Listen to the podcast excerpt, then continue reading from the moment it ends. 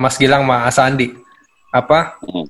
eh, Mas berdua kan kalau bisa dibilang melahirkan banyak banget murid-muridnya drummer-drummer yang sekarang ini Hmm. sekarang dia punya color Beda-beda. yang beda-beda dan dan semua semua kuat gitu. Apa Mas Gilang lah, Mas Gilang ya ini hampir semuanya kita di sini kan berarti emang muridnya Mas Gilang gitu.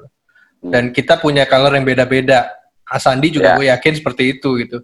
Itu itu mindsetnya waktu ngajarin tuh kayak gimana sih Mas buat buat ngarahin style masing-masing nih? Apa dari Dari, awal dari mana ya? Awal- dari awal udah kepikiran, wow si Brian nih mukanya begini, dia pantasnya begini nih mainnya nanti. si Hendy, wah Hendy nanti dia umur segini kelihatan keren kalau brengosan, jadi dia maininnya biar seru rock aja. Eh, Kalau mungkin ini, ini mungkin eh, Echa ini belum pernah dengar nih, nih, malam ini. Apa tuh mas? Reminding your father nih. Wow. Jadi your father tiba-tiba kamu umur berapa sih dibawa ke Farabi? I remember. Iya iya aku ingat mas, aku ingat, aku ingat. Terus habis itu dia eh, your father terus kita Mas Mas kita ngobrol dulu berdua Mas. Terus Mas father bilang Mas Gilang tolong ya ajarin anak saya. Ah tenang aja. Terus kayak aku udah ngelihat gitu ya, pernah ngelihat. Aku ngobrol sama your father. Ini baru sekarang nih baru saya sampaikan. Tenang aja mas. Dia mah pasti jadi saya bilang. Wah, iya benar. Cause I know, saya bilang ada anak yang belajar sama saya, saya tahu. Yang yang didiknya tapi bisa jadi. Walaupun saya akan memberikan yang basic-basic, saya. Tapi yang paling penting adalah dari mentalnya dia sendiri, what he wants Yes. to be what you want. Nah, saya udah tahu pada saat itu. Jadi benar mas, Ah, beneran saya bilang, don't worry saya bilang. Jadi pada saat itu saya tahu, aja tenang aja nih anak pasti dilepasin juga ntar jadi saya bilang. Thank Saya you. sering. Pak, saya memperhatikan. Waktu Hendy juga waktu datang dia- saya tahu oh dia aja ah tenang ini pasti jadi. Jadi saya tahu siapa yang siapa yang jadi. Cuman ada yang memang ada yang tadinya harusnya jadi juga full di drum.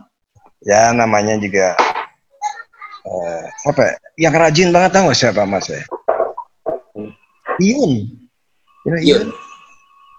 Iun. Ion, Tahu kan? Ion, Ion, ya. Ya, Yon, Yon Haji. Iya. Yunaji. Iya benar. Jadi Pokoknya kalau di di Muraya tuh kalau yang nganterin tuh orang tuanya tuh duduk di depan, duduk di depan nungguin anaknya nungguin. Salah satunya ibunya Iyun tuh ingat banget. Nungguin di depan. Padahal saya mengutarakan ibunya juga ibunya juga berhadapan. Saya selalu berhadapan sama orang tuanya. deh. Berhadapan sama orang tuanya. Cuma saya kadang-kadang eh, kalau dia nggak bakal jadi, saya hmm, basa basinya lain. Kayak saya harus berhadapan sama ibunya Aksan. Hmm. Ibunya, gila, anak saya bisa jadi drummer. No, dia nggak nggak bakal jadi drummer. Jadi dia bakal jadi musisi. Saya. bakal jadi. Bener kan? Bener. Ada aku Iya. feeling kayak gitu gitu, dari dulu gitu. Jadi saya ngelihatnya murid-murid tuh, saya saya nggak ngedrive nggak ngedrive banyak eh, banyak guru ya banyak guru ada guru yang kamu jangan mainnya gitu dong. Ya kok kayak gue nih kayak gue kayak gini. Ah, banyak kan yang suka gitu tuh. Ada right. I I don't do that saya nggak begitu. Saya lepasin cuma saya eh, koreksi kalau ada yang salah gitu Tapi, eh, karena saya Droplet, droplet. Ya, saya saya ekspektasi saya memang setiap setiap musisi mempunyai color colornya dia. Ya. Dan mau dia bisa baca, mau nggak bisa baca, kalau seandainya dia mainnya enak, shut up and play, oke. Yes. Itu konsekuensi saya.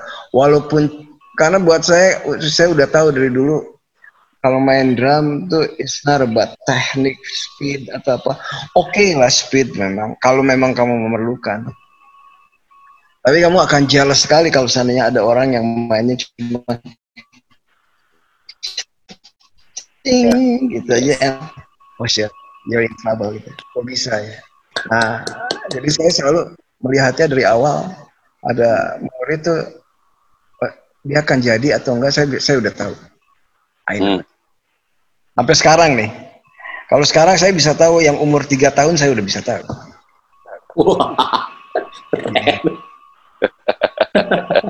I smell it Ah, ah. Sandi gimana Sandi? Nah, Sandi gimana? Ya kalau gue mau mindset, kayak dia tadi bilang, yang diajarin Lemmy, diajarin gue, diajarin Gilang, basicnya sama, single, double, paradiddle. Basicnya itu dulu lah, ya. pengembangannya kan tinggal tinggal kembangin sendiri. Gue setiap orang pasti punya punya eh, apa namanya pengaruh musik di rumahnya masing-masing, di daerahnya masing-masing. Itu yang nggak bisa nggak bisa kita campurin gitu, misalnya. Lo diajarin ini, tapi lu terbiasa mendengarkan musik Sunda dengan orang yang mendengarkan musik eh, apa namanya Kalimantan yang beda pasti akan jadinya beda. Hmm. Eh, gue nggak mau mencetak Sandi Andarusman yang baru. Gue pengennya lu jadi lu yang lu yang baru. Sama gue yakin Eca juga sama nggak akan mencetak Eca-Eca yang baru gitu. Ya, Lu berkembang dengan apa yang lu suka, berkembang dengan apa yang lu dengerin gitu setuju ah. tekniknya ya ini gitu loh karena eh, eh, apa namanya setiap orang bahkan ini gue belajar buat eh, mengajar buat gue adalah belajar gitu bahkan gue bukan cuma eh, membentuk mereka. Bahkan kadang-kadang gue sendiri juga terpengaruh sama mereka. Gue pertama kali gue akhirnya tersadar pada saat gue nanya sama satu murid gue cewek eh, kamu lagi dengerin Ah, apa? cewek semua ya. eh, cewek buat gua kalau murid ya itu lebih cepet lebih cepet nangkap lebih, tapi lebih cepet keluar. Karena apa namanya banyak yang terpengaruh sama pacarnya lah dan lain-lain. Nggak gini. Gue pertama kali tahu soal limbiskit itu dari dari murid gue kamu dengerin apa limbiskit aja biar apaan tuh biar Murid- apaan tuh Dan Gimana murid yang cepat keluar? Ah? yang cewek Itu mas gila tuh loh. Enggak. Eh apa namanya? apa lo Gil?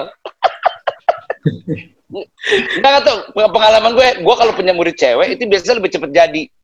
Alsa contohnya gitu. Nangkepnya lebih cepet tapi biasanya cewek itu eh keluar dari sekolahnya lebih cepet karena kapan sekolah lah inilah itulah gitu. Kalau cowok lebih lebih banyak. Bukan, itu kepengaruh sama cowoknya. Hati-hati sama Asandi gitu. Ya udah, keluar. Tapi terbukti kan alasan kamu dikasih sama orang lain. Kamu dipegang nggak? Siapa? Tadi kamu diajarin apa aja? Dipegang-pegang nggak tahu?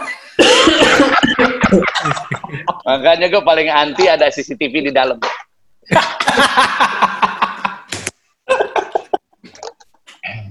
iya, Kacau. intinya sih itulah. Pokoknya lo lo mau mesti mesti sadar eh, lo jadi apa yang lo mau gitu. Makanya Andian Gorus, Andian Gorus diajarin juga samba diajarin, cuma diajarin. Ya tapi ya memang dia sukanya itu, dia latihnya itu ya jadinya seperti itu. Gitu. Gorus dari awal berarti sambanya udah udah dua kaki ya, deg deg deg deg deg deg enggak ada deg deg deg deg deg deg enggak apa sambanya pakai pakai aksen jadi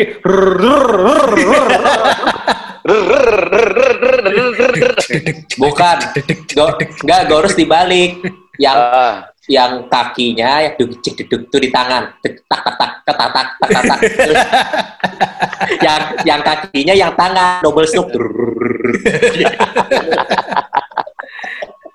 ya itulah.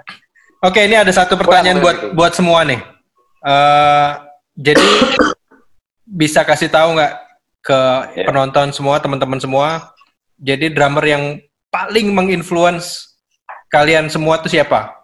Tiga lah, tiga besar lah masing-masing. Oke. Dan ceritain ceritain bukti konkretnya misalnya ya itu kelihatan dari pas lagu ini gua mungkin eh, ter- sangat terinspirasi sama ini sehingga jadinya kurang lebih kelihatan. gitu. First of all, aku ngefans sama semua yang ada di sini nih. Buktinya jelas banget. Pokoknya nanti kapan-kapan diceritain lah. Mulai dari Konde, aku dengerin feel ini dengan nafasmu. Terus Mas Yoyo bisa, apa namanya, punya feel in di lagu apa tuh ya yang deg deg trak trak deg deg trak deg trak deg jeng jeng jeng. Siapa gerangan? Nah, Siapa tangan? Iya, iya. ya, terus aku lihat Asandi tuh Asandi tuh kayak drummer rock tapi beda. Kalau drummer rock lain tuh kan emang rock banget. Tapi Asandi tuh aku ngerasa ada sisi fusionnya kayak feeling feelingnya tuh pokoknya nggak nggak ngerok banget deh gitu. Jadi waktu itu sih sangat menginspirasi gitu. Mas Gilang ya jelas lah aku dari kecil lomba jurinya Mas Gilang terus Iya. Untung gue orang Mas. Jadi Eh, saya menangin terus because you're good, man. Mas Brian aku kenal dari sebelum Shalon Seven dan aku suka energinya, aku suka pemilihan soundnya ya jelas lah di lagu apa yang terlewatkan tuh drumnya bagus banget tuh Mas Bri tuh. Nggak akan aku putar kali ini. Kalau Andy, Andy banyak banget yang bikin aku suka, tapi salah satunya waktu yang di edit. Jadi waktu itu lagu itu jadi pembahasan di kelas sound design di UPH. Lagunya apa judulnya? Yang di Abbey Road single. Lagi, tak lagi percaya. Iya, itu feeling pertama itu tututak, wah gila itu diputar sampai berkali-kali tuh. Kayak kita berusaha mencerna ruangannya tuh soundnya wah pokoknya inspiring banget lah. Cuman Yo, sayangnya ya. waktu pertama kali waktu itu taunya damar-damar luar negeri. Kalau taunya damar dalam negeri mungkin lebih jago sekarang ya. Sayangnya taunya damar luar negeri. Eh bener kayaknya. Aku harus sebut pertama Defecal soalnya eh, waktu itu kayaknya dia beruntung ya. Dia punya eh, lesson tuh dijual di mana-mana gitu. Sedangkan waktu itu Vini dan mungkin Steve Steve Gadd juga bikin sih. Cuman waktu itu somehow aku dapatnya Defecal. Vini tuh nggak bikin lesson. Mungkin kalau Vini bikin lesson pengaruhnya akan lebih luas kali ya. Mungkin. Apa Dia nggak mau di nggak mau dikampung Iya, mau nggak mau diajak ini lagi nggak mau minta tanda tangan di kulit lagi Vini kan. Terus terus eh, kedua Emang enak.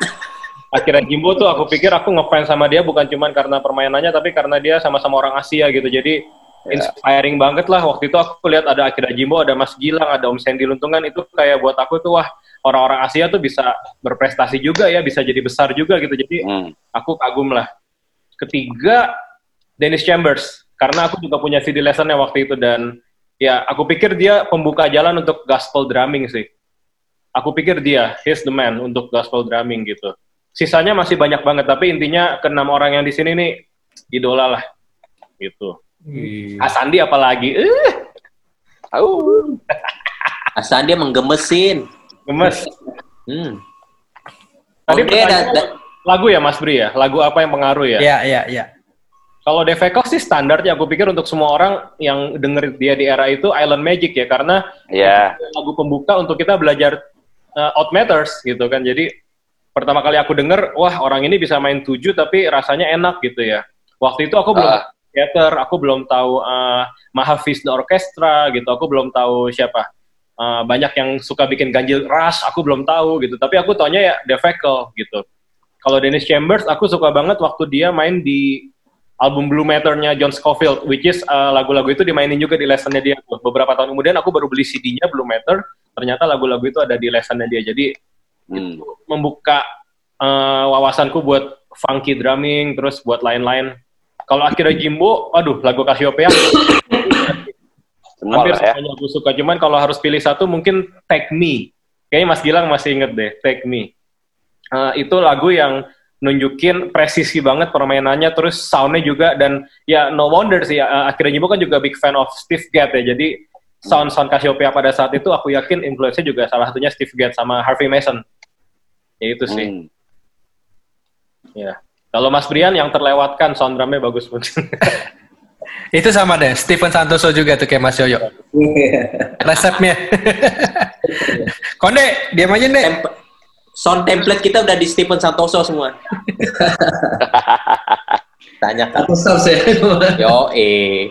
Mas. Yoyo dulu deh, Mas Yoyo, Mas Yoyo. Apaan? Apa tadi pertanyaannya? Tiga drummer. influence yang paling besar dan buktinya apa? Oh, Oke, ya tadi yang pertama John Bonham pasti. Kalau apa eh, pengaruh di lagu itu ada dipakai di ini nih di menurut gelap ya di tengahnya itu ada eh, yang beat-beat kayak Kashmir Kashmir gitu ya. iya, iya. Iya, iya. Terus udah gitu. Dedet, dedet, dedet. Terus Jeff Porcaro ya. Jeff Porcaro itu kan suka kalau dia feel kan simple-simple gitu kan. Iya, iya. Simple, bareng snare sama apa namanya eh, tom sama floor. Kadang-kadang eh, N-nya eh, simbalnya habisnya di floor tiba-tiba gitu. Jadi Ya. eh, ya itu apa namanya banyak banget feel-feel di padi yang aku pakai apa eh, terinfluence dari Jeff Porcaro itu. Terus apa lagi ya? Lagu apa? Satu lagi. Satu lagi ya. Satu lagi Bim Bim. Eh, Bim Bim itu dia main itu apa eh, ya ya begitu kan maksudnya eh, tapi selalu selalu eh, pas dengan kebutuhan lagunya gitu. Kayak eh, tadak dung dung tadak dung dung ya, kayak gitu gitulah. Iya. Lagu apa mas? Lagu mas? Eh? Tapi Lagu. kok, tapi kok Mas Yoyo, Mas Yoyo belum, Mas, pasti banyak lah. Mas Yoyo, kok Ya. kamu belum pakai ini tapi?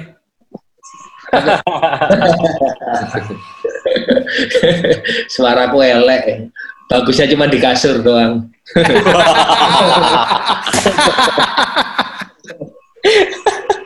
Ada. Lagu apa mas? Tiga lagu deh, tiga lagu. Lagu eh ya yang banyak banget yang nanya eh, apa namanya eh, nyari feelnya Mahadewi dari mana sih yang trak deng deng deng deng itu eh ya dari dari Bonham juga ya Bonham kan biasanya kalau dia memulai apa memulai eh feel lagu biasanya kan ya. Flame flame gitu ya. ya jadi ke ke bawah aja sih Mas Yoyo, hmm. aku tuh pernah dapat cerita katanya dulu di Surabaya satu-satunya bisa main lagu Roseno tuh cuma Mas Yoyo katanya. oh kata siapa Cuma Mas Yoyo yang bisa katanya. enggak enggak lah nyoman tuh yang jago shuffle tuh kan. Surabaya Oh, Hece dipotongin rambut, Cak. Rambut. Iya nih. Asik. Ini kita mencoba motong rambut sendiri nih. Sini. Apa namanya? asik banget ya Jessica menerima jasa pemotongan rambut. Asandi mau potong rambut nggak? Eh, habis, itu ada- sudah habis. Itu ada curhatan tuh dari Mas Yoyo, asik banget ya. Asik, Tapi Nikmatin aja, Ca. Masih berdua, Ca. Sayang sayang sini sayang sayang sayang sama siapa, yo? sama Jin Ini ya rambutnya masih oke, Kayak masih hilang doang kayaknya nih. Mas Yoyo, Mas Yoyo pura-pura ada yang nyuapin Mas. Ah iya sayang, makasih sayang. Gini. Sayang, sayang, sayang. Suapin papa dong. Asandi sama muridnya gue curiga sop-sopan nih kalau di dalam nih. Guys, Iya. Kamu kurang Makanya suruh- makanya makanya makanya suruh berhenti. Dulu. sebenarnya kalau ngomongin eh, idola drummer yang menginfluence gue itu banyak banget. Pasti Eca juga banyak banget tadi. Cuman kalau diambil tiga, gue Dennis Chamber sangat suka. Ya. Dennis Chamber gue sangat suka. Calhoun Dia juga suka kan, Kang? Itu cuma di Solo doang. Enggak, tapi William Calhoun abis gue main sama dia, gue suka banget. Dia dia dia eksplorasinya eh, permainannya beda gitu menurut gue. Nggak eh, baik lagi tadi eh, kenapa dia, eh, Dennis Berarti habis lihat itunya. Will Calhoun ya. bukan lihat dapat cerita doang. Koyok jarang.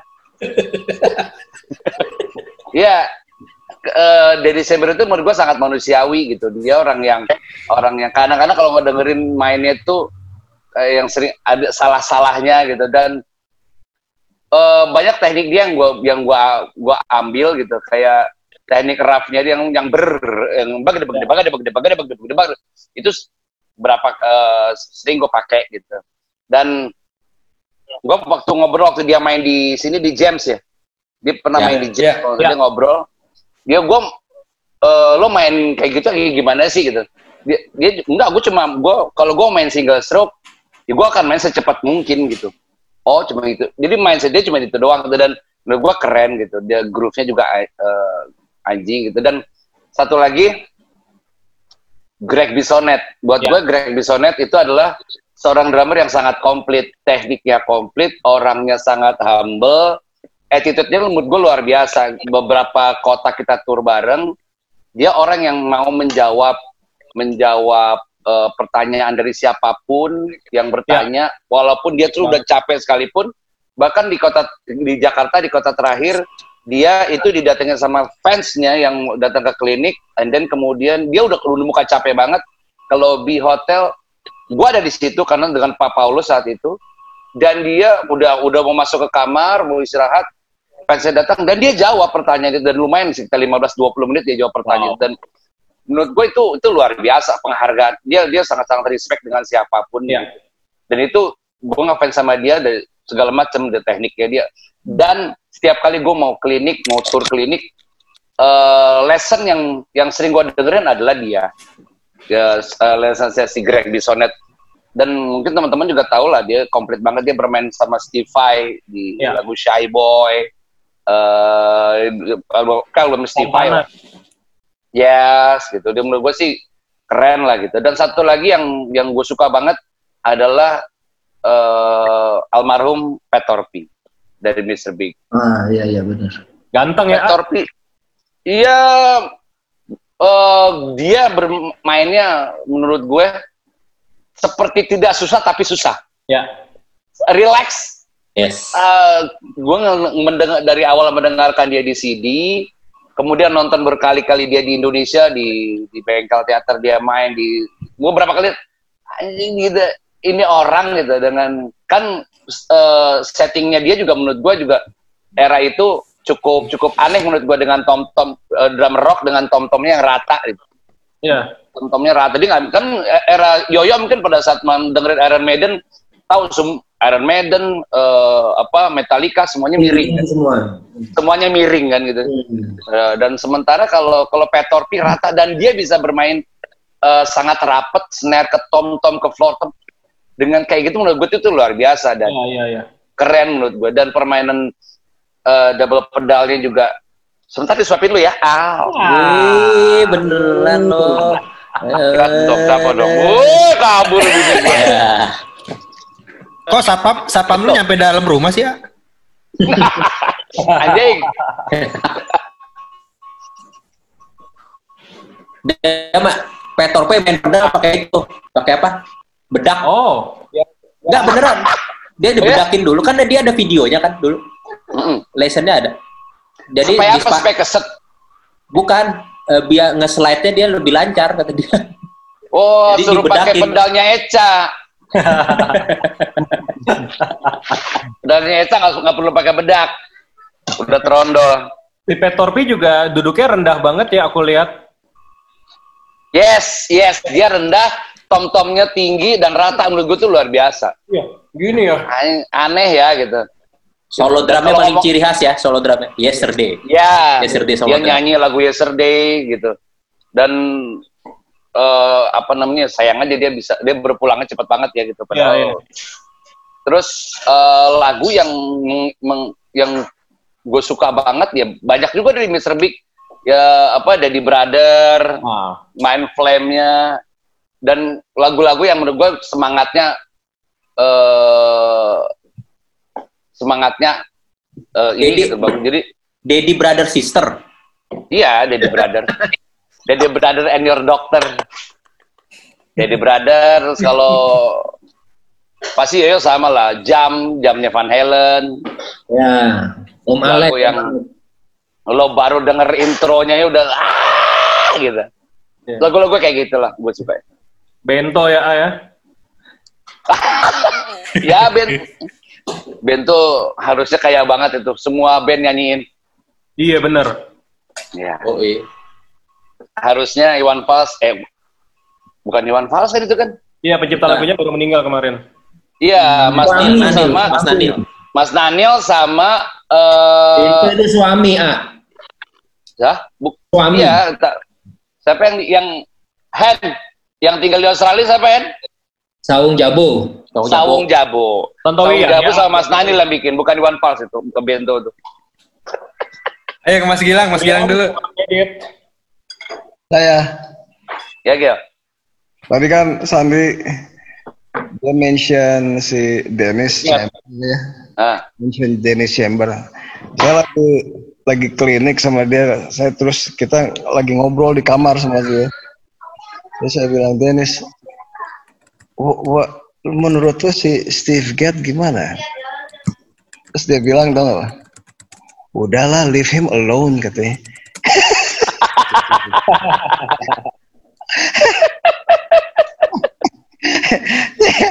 Jadi semuanya kalau saya tanya gitu, semuanya takutnya saya, saya takut cuman cuman gua doang yang terbius sama dia gitu. Jadi ternyata pas saya tanya si Dennis sih, I think we should live alone. Dia di planet sendiri katanya. Ya, ya. Eh, si- ya emang gitu. Oh, benar-benar kalau gitu. Semua eh, coba lu, ta- lu tanya aja semuanya katanya. You ask to everybody katanya. Gil, Gil. Ya. Itu kan eh Dennis December soal Steve Gadd. Lo tau nggak Dennis December tentang lo apa? Tentu? Jadi ini ini ini sorry gua cut. Pada saat sama Dennis December dia nada tangan foto-foto, dia komennya adalah kenapa di Indonesia drummer semuanya namanya Gilang? Gilang Semarang, Gilang Wayang, Gilang Ramadan, oh, gua mau Gilang. Iya. Gilang Anda Rusman juga lu kan waktu di tanda tangan. Jadi saya kalau saya sih sukanya dia terus dengerinnya dengerin Jack the Jonet, Wow. terus Hero-nya Mang Hendy tuh. Iya. John Christensen tahu nggak? Siapa? Siapa tuh mas? Tuh kan, Siapa Mas? John Christensen. Udah. Pemain film, pemain film. Itu hampir kalau lu di sana mungkin ya very very famous drummer. John Christensen. Baru meninggal ya Mas ya tahun ini ya Februari ya Mas.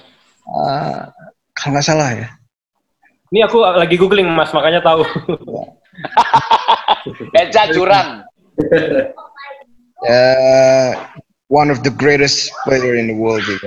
oh dia main sama Sonny Rollins ya Mas. Banyak banget banget banget. Iya ya. So, Oh. uh, nah kalau mau apa main yang simple-simple, nah dengerin dia John Christensen. Oke. Terus ada lagi yang saya nggak ngerti waktu itu. Itu namanya Paul Motion. Ya, Oh, I know. ya, I know. Paul Motion. All motion. Paul Motion. Uh, kayaknya benar-benar ini semua orang juga bisa main drum kayak dia gitu. Ya, ya. Iya. Kalau ngelihat ya.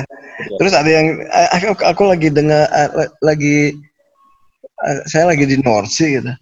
Terus gue tanyain kok dia asiknya apa ya? Tapi asik banget gitu. Jangan dilihat, jangan dilihat, dengerin aja. Gitu. Dia pasti dengerin, wow, berimajinasinya luar biasa. Kayak ngelukis. tuh. Oh, oh. Tapi kalau ngelihat apa kalau diliatin pasti eh ini semua orang gitu bisa main kayak gitu sih gitu. Yes. Ternyata memang iya benar kayak ngelukis. Mhm. Eh, jadi ada ya pastilah Steve Gadd udah pada tahu mungkin lah Steve Gadd, Jack Yes. Gadd, John Christensen adalah ya terakhir-terakhir oh ada cerita soal Vini nih. Eh ada cerita.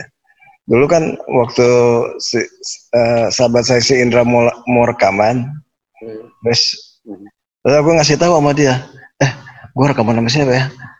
Eh, kata eh, eh, MCA-nya kan suruh milih, mau siapa? You want Steve Gadd atau? No, no, no, ada anak baru nih, gue bilang. Anak baru masih Edan mainnya. Siapa? Itu si Kalayuta, Kalayuta gitu. Terus, oh, siapa? Ya, si Vini, Vini Kalayuta. Oh, lihat deh. Nah, oh ya, ya udah kita minta aja ya, Vini. Terus udah gitu. Ini lagi latihan nih. Lagi latihan terus di studio. Di studio aku ingat banget ditaruh ada drumnya butut banget ditaruh gretsch drum butut banget sama krunya. Udah gitu. Gue nungguin aja kan. Anjir sih orang. Terus dia telat. Telatnya 4 jam. Mhm. Oh, telatnya 4 jam. Terus udah gitu, tapi di dalamnya ada gitaris Michael Lando, ada Jimmy Haslip gitu. Ya. Nah, terus udah gitu, mereka bilang, oh tuh lu tenang aja lah, si Vini sih biarin aja. lah. Karena dia sih baca apa aja lu tuh tunggingin gini juga nggak masalah katanya. Terus dia masuk begitu masuk, oh hi, I'm sorry, gue sorry ya, gue telat, gue telat gitu. Ya oke oke oke. Oh, terus ngobrol-ngobrol, Eh, ngambil partiturnya, partiturnya tapi dia nggak nggak ngeliat gitu sambil ngobrol-ngobrol. Jadi kayak ngobrol tapi partitur dia pegang terus dia terus dia taruh di di stand baca. Ya mungkin gue sangat admire banget waktu itu gue umur berapa. Terus dia taruh di stand baca. Terus dia ngeliat terus dia langsung ngitung aja. One two langsung brubet sampai wah sampai habis. Udah gitu. Ah, si kan si Jimmy Jimmy Haslip ya waktu itu masih bacanya dia lemah banget. Apalagi Lendo Lendo nggak jadi yang cuman jalan waktu itu cuman drum sama keyboard.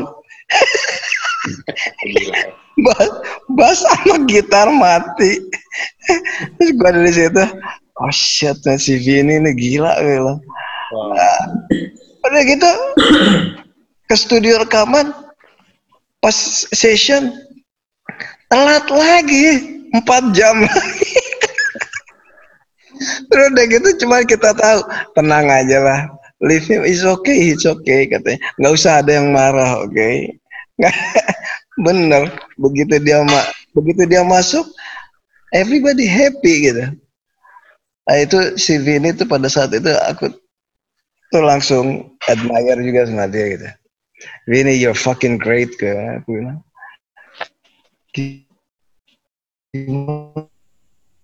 sih lu bisa bisa top lagi bisa sih eh you know what gue terpengaruh ya gue sama Steve Gadd gitu jadi jadi dari dari semua semua yang gue tanya gitu pasti titiknya ke si mbah si itu tuh nggak Ah, ya tapi kalau kalau menurut saya sih dia juga terpengaruh sama Tony Williams. Ya, of course. Yeah. Yes. sama Tony Williams segala macam nah habis dari situ saya udah nggak terpengaruh sama siapa-siapa lagi udah oh, udah everybody is good semua drummer good semua Oke, eh, tiga drummer dalam negeri, drummer Indonesia. Gue selalu misalkan kalau ditanya ini kayak kita terakhir ngobrol. Nggak harus dalam negeri ya, Dek? Pertama kali gue sangat, iya, iya. Eh, gue ngefans banget awalnya kenapa dan akhirnya gue jadi pengen jadi drummer tuh gara-gara dengerin eh Richard Puter, drummer pas rekannya Kang Sandi di pas band gitu. eh kenapa eh, kalau misalkan dengerin beberapa albumnya Samson gue banyak banget yang sebenarnya tuh kayak eh make feel feel yang sudah dipakai sama Kang Richard sebenarnya sih tapi dikembangin dipindahin ke Tom atau ke mana gitu Hmm. banyak banget Eh, eh, terus yang kedua adalah gue sangat terinfluence banget sebenarnya sama eh, Mas Aksan salah satunya juga. Yang akhirnya juga akhirnya kesampaian juga eh buat jadi apa belajar sama beliau di Farabi waktu itu. Barang brand juga beli ya kita dulu ya. Terus siapa lagi? Ketiga ya. Ketiga nah itu sih karena banyak banget ya drummer Indonesia. Tapi gue mostly banyak kan gue terinfluence sama drummer rock. Ya terakhir ya, mungkin Fajar Syakir Tama itu. Hmm. yang terinfluence juga. Sama S1. Kalau, eh, S1 S1 eh, ya suka sama konsepnya sih simple. Simple banget. Dia tuh kayak emang drummer recording yang asik banget ya. Kayak dia bisa bisa apa ya ya, kayak mencari sound mencari sound eh, yang sesuai sama lagunya gitu. Itu dan menurut gue tuh apa ya antik sih drummer kayak gitu sih. Kayak lagunya mengarahkan ke mana dia bisa kayak eh, dapet aja soundnya gitu. Kayak bisa didengerin kayak dia ngisi di Seal dia ngisi di Adele gitu. sama Stone Copeland suka. Dan suka banget sama studionya ya. suka banget sama Windmill, studionya Windmill S1. Studio ya. Asik. Itu studionya studionya Iya, dia kan? asik tuh. Windmill. Iya, Iya, studionya Windmill S1 kan. Studio ya? ya. Iya. Ah. Ya, itu jadi referensi juga sebenarnya buat kita-kita yang dalam Windmill. ya yang apa yang seneng bikin konten studionya mesti terang mesti enak dilihat gitu estetikanya mesti bagus gitu karena kan eh, kadang-kadang yes menarik Mm. ya udah handy handy handy handy Ya kalau gua sih seneng drummer yang bukan hanya menjadi seorang drummer.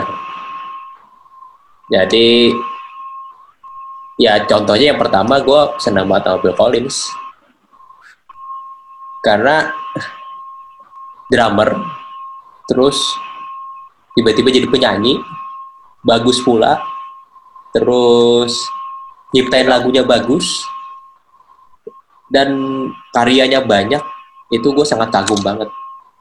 Karena ya itulah sejatinya seorang musisi seorang drummer tuh bukan hanya jadi bukan hanya main drum gitu. Jadi ya benar-benar ya berbuat sesuatu eh, buat karya gitu loh. Hmm. Hmm. yang kedua Dave Grohl. Sama. Dari seorang drummer tiba-tiba jadi bikin band. Vokalis jadi vokalis, jadi pemain gitar, bagus pula, terus nyiptain lagu, terus apa pun sekarang eh, banyak banget apa dia bikin sesuatu yang menarik menarik gitu. Jadi gue bilang itu motivasi juga buat gue gitu bahwa ya drummer sekali lagi bukan hanya sebagai drummer sekarang Hmm. gitu. Terus kalau ya ya dari dulu gue senang banget drummer yang color banget. Ya gue sampai sekarang cinta mati sama Stuart Copeland sih. Karena Ah, sama. apa ya? Gue pas pertama kali dengan The Police, ini main drumnya kayak gimana sih ini gitu? Apa yang ada di pikirannya dia gitu? Apalagi main hi hatnya gitu. Terus ternyata basicnya dia dari Afrika semua. Hmm. Eh, terus dia bawa ke ke alanya Yes. dia ala ada ala punk rocknya gitu terus udah jadi unik aja gitu. Sampai sekarang gue belum belum menemukan lagi sih pemain drum kayak gitu gitu. Bukan masalah jago atau apanya ya tapi bener-bener tuh orang main dan mainnya urakan banget. Dan gue pernah lihat dia main dia kan traditional grip tuh. Ya. Dia main sekitar lagu keberapa dilakban tangannya semua. Jadi kalau main tuh sampai berdarah-darah yang di mana tuh tangannya dilakban terus tapi ya itu urakan banget dan tetap asik gitu dan balik lagi dia jadi eh, bikin musik film terus jadi eh, bikin film dokumenter dia yang jadi sutradara jadi benar-benar berkaryanya benar-benar multi eh, talenta lah ya hmm, full juga gitu. Hmm. Itu sih tiga tiga teratas. lagu-lagu Kalau lagu lagu gue sampai sekarang eh, kayak lagu wajib gue ya kalau mau start main drum gitu. Eh, Kalau kalau rocknya gue senangnya era-era grunge sih. hmm. Gue pertama yang gue mainin Spoonman, Spoonman Soundgarden. nah, Nah itu gue seneng banget. Terus eh, Seven Days Sting, yes yes itu gue bilang Vini, Vini bener-bener ajaib ngisinya. Mhm. Dan satu lagi apa ya? Gue seneng, gue seneng lagunya apa? Lagunya John Mayer dimainin Steve Jordan. Mainnya lurus banget. eh dia sampai 16 bar gue nggak ada fill in gitu. Ya benar itu buat nggak buat ngelatih gue ini aja apa? Buat nahan, buat ini bener itu lagunya John Mayer ada dimainin Steve Jordan gitu udah Brian mana deh Bri. Ah, oke. Brian. Gua kalau gua buat gua d- ya ini mungkin karena pengaruh eh lingkungan juga ya maksudnya background musik itu kan kalau gua dari keluarga. Buat gua drum guts itu ya the one and only ya cuma Nelpert gitu. Ya. Nelpert itu ya menurut gue udah udah ya udah deh maksudnya udah kalau kalau kalau drummer ya udah ngomongin ngomongin dia nggak akan nggak ada habisnya gitu dari Ya. dari Hmm. drummer sampai nulis lirik. Cuman kalau misalnya bicara dengan influence yang paling besar dalam kehidupan bermusik gua, gua nggak bisa bilang nama selain nomor satu ya Tico Torres dari Bon Jovi. Itu itu pertama kali gue jatuh cinta sama drum itu era glam rock itu ya karena beliau. gitu. Ya. Dan dan apa ya itu yang mengajar diajarkan sama dia tuh kalau gua apa ya Ngenakin lagu. drummer itu ya rhythm section dan dan harus bisa ngeblend sama lagunya itu gitu. Apa Hmm. how to make great songs gitu. Anthemic song bikin- gitu. Bikin lick-lick yang ikonik juga menurut gue deh. Ya, Tico Torres. Terus nomor dua, tadi setuju sama Asandi, Petorpi. Petorpi itu eh, apa ya maksudnya? Buat gua itu next step dari Tico Torres gitu.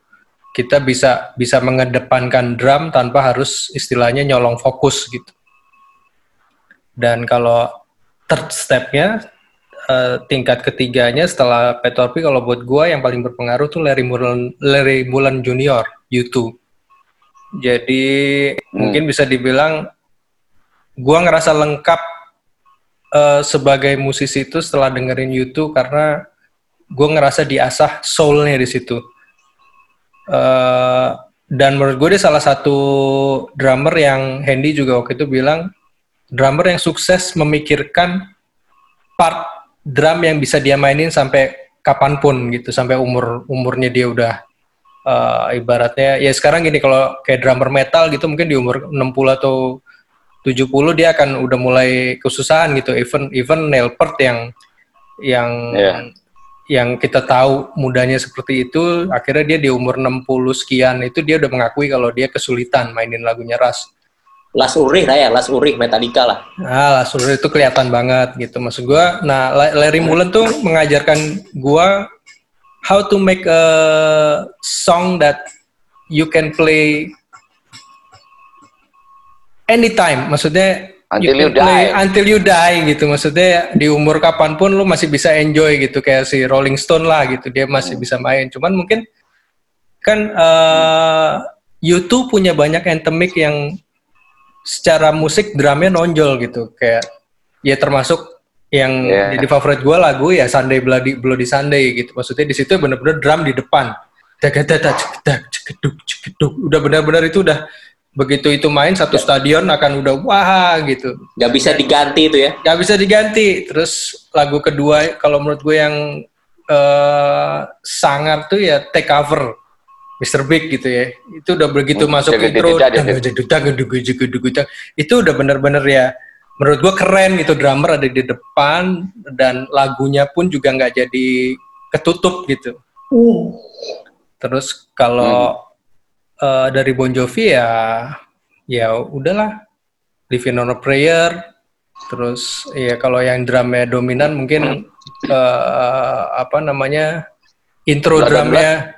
Ya Blood on Blood ya. Maksudnya intro intro drum always itu itu menurut gue udah udah jadi legendary trademark sih.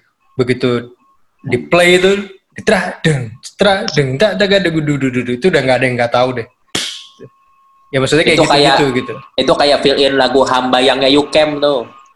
Cie. Hanya budak.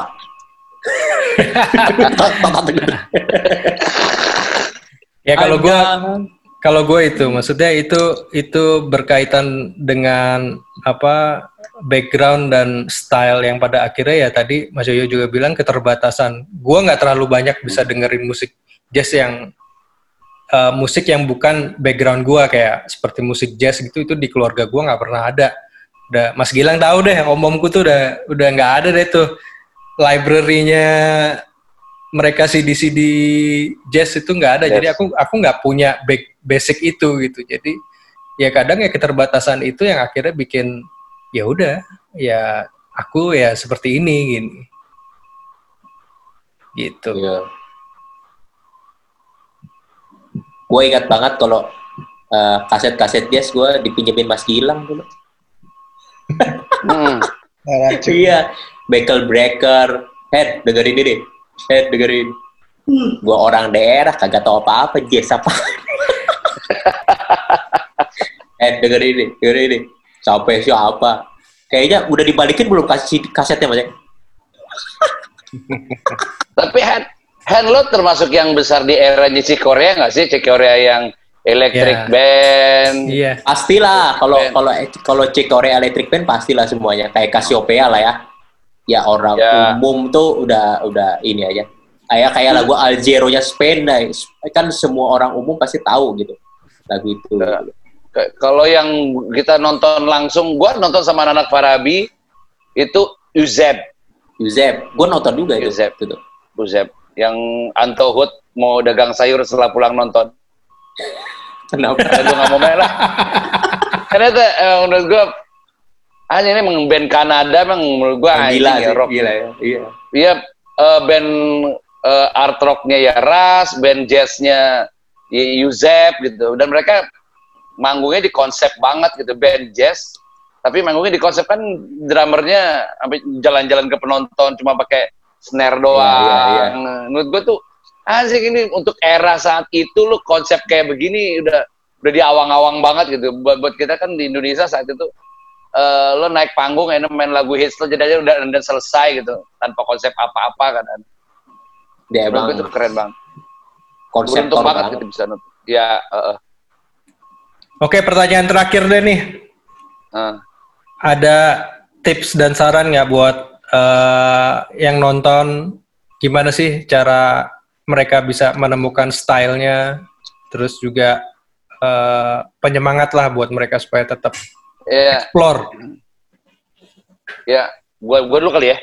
Oke. Ya. Semua orang, semua orang tuh punya kelebihan, punya kekurangan. Dan itu semua harus disyukurin. Tapi as long as lo masih mau belajar, as long as lo masih ada gairah buat cari eh, menikmati semua hal, lo pasti akan ngedapetin banyak hal-hal baru gitu. Eh, lo kita mesti sadarin gitu bahwa eh, kita hidup di era apa. Gue gue besar di era 90-an, ya lo akan akan banyak banyak terpengaruh dari semua hal dari ya ya musiknya ya kulinernya fashionnya gaya hidup lifestyle-nya semua dari situ dan lu nggak bisa bohong bahwa lu nggak akan terlalu in dengan era 2010 2020 gitu loh.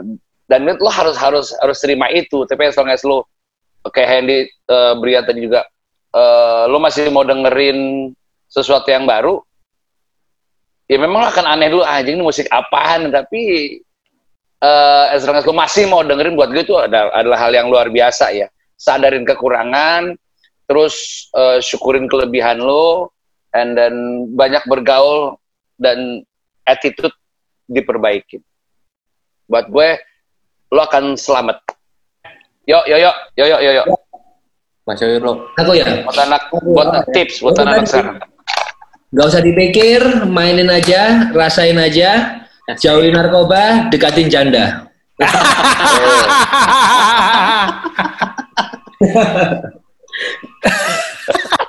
ada no janda satu no?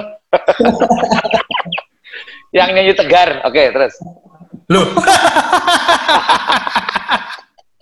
Asu, asu. En. Ayo En. Gua ya. Se- Sebenarnya simple sih untuk untuk mendapatkan karakter, untuk mendapatkan eh, style lo atau gak macam. Ya lu dengan berkarya, ya berbuat berbuat sesuatu, bikin karya karena di dalam karya lu pasti akan ada jati diri lo gitu. Mau itu lo jadi pemain drum di suatu band atau bikin solo album sendiri atau lu ngisi di eh, apa karya orang lain yang penting lu berkarya lewat drum gitu. Jadi Hmm. eh, gua kan eh, sekarang tuh fenomenanya adalah orang banyak cover lagu orang. Ya kan? Banyak gitu terus bagus bagus aja nggak apa-apa nggak masalah nggak masalah tapi alangkah lebih bagusnya kalau kita emang membuat sesuatu baru Yang yang, baru. dari kita sendiri gitu. Jadi emang ya bikin karya. Gue berasa banget nih selama ini eh, kita di rumah. Gue tiap hari di studio, ya udah bikin aja apa pun gue bikin. Ada di kepala ada apa bikin. Kemarin di Gro mau yuk bikin bikin bikin. Terus gigi bikin bikin. Sendiri bikin. Jadi bener-bener akhirnya gue ngerasain sendiri bahwa oke ternyata musik gua eh gua kemampuan gue sampai segini terus gue bisa mengeluarkan jati gua jati, jati diri gue di sini. Itu sih akhirnya ya nikmat banget proses itunya tuh jadi berasa banget bahwa Hmm. wah eh, ternyata emang kalau lo pengen didengar eh, karakter dan permainan lo emang lo harus bikin ber- berbuat sesuatu berkarya itu sih Kalau gue punya tips yang bisa gue share adalah eh, jangan pernah malu sama kejujuran lo. Maksudnya dengerin musik yang emang bener-bener lo suka. Eh, jangan pernah apa ya eh, bilang keren kalau emang itu lo bukan dari hati lo gitu. Jangan karena tren lo bilang akhirnya lo ngikutin orang-orang dengerin apa-apa segala macam. Just just follow your heart gitu. Maksudnya emang kalau emang ya menurut orang-orang eh, itu lo aneh suka musik tertentu ya nggak apa-apa itu itu terus terang itu akan jadi akan jadi ciri lo pada akhirnya gitu dan Aha. dan eh, setelah lo udah bisa melakukan itu ya udah do everything just do it. Kalau kata Mas Gilang jangan Hmm. pernah berpikir eh, endingnya akan seperti apa gitu. Just do it Yeah. gitu. Dan dengan yang tadi udah kita lakukan kita udah jujur sama diri sendiri itu akan terfilter suatu hasil yang nanti pada akhirnya ya itu akan mencerminkan diri lu sendiri. Hmm. sekian. Mas Gilang. Saya nomor satu kreatif, nomor dua kreatif, nomor tiga kreatif. Dengarkan semua musik yang mau yang suka sampai yang nggak suka, dengarkan. Habis itu sampai jangan mendengarkan apa pun.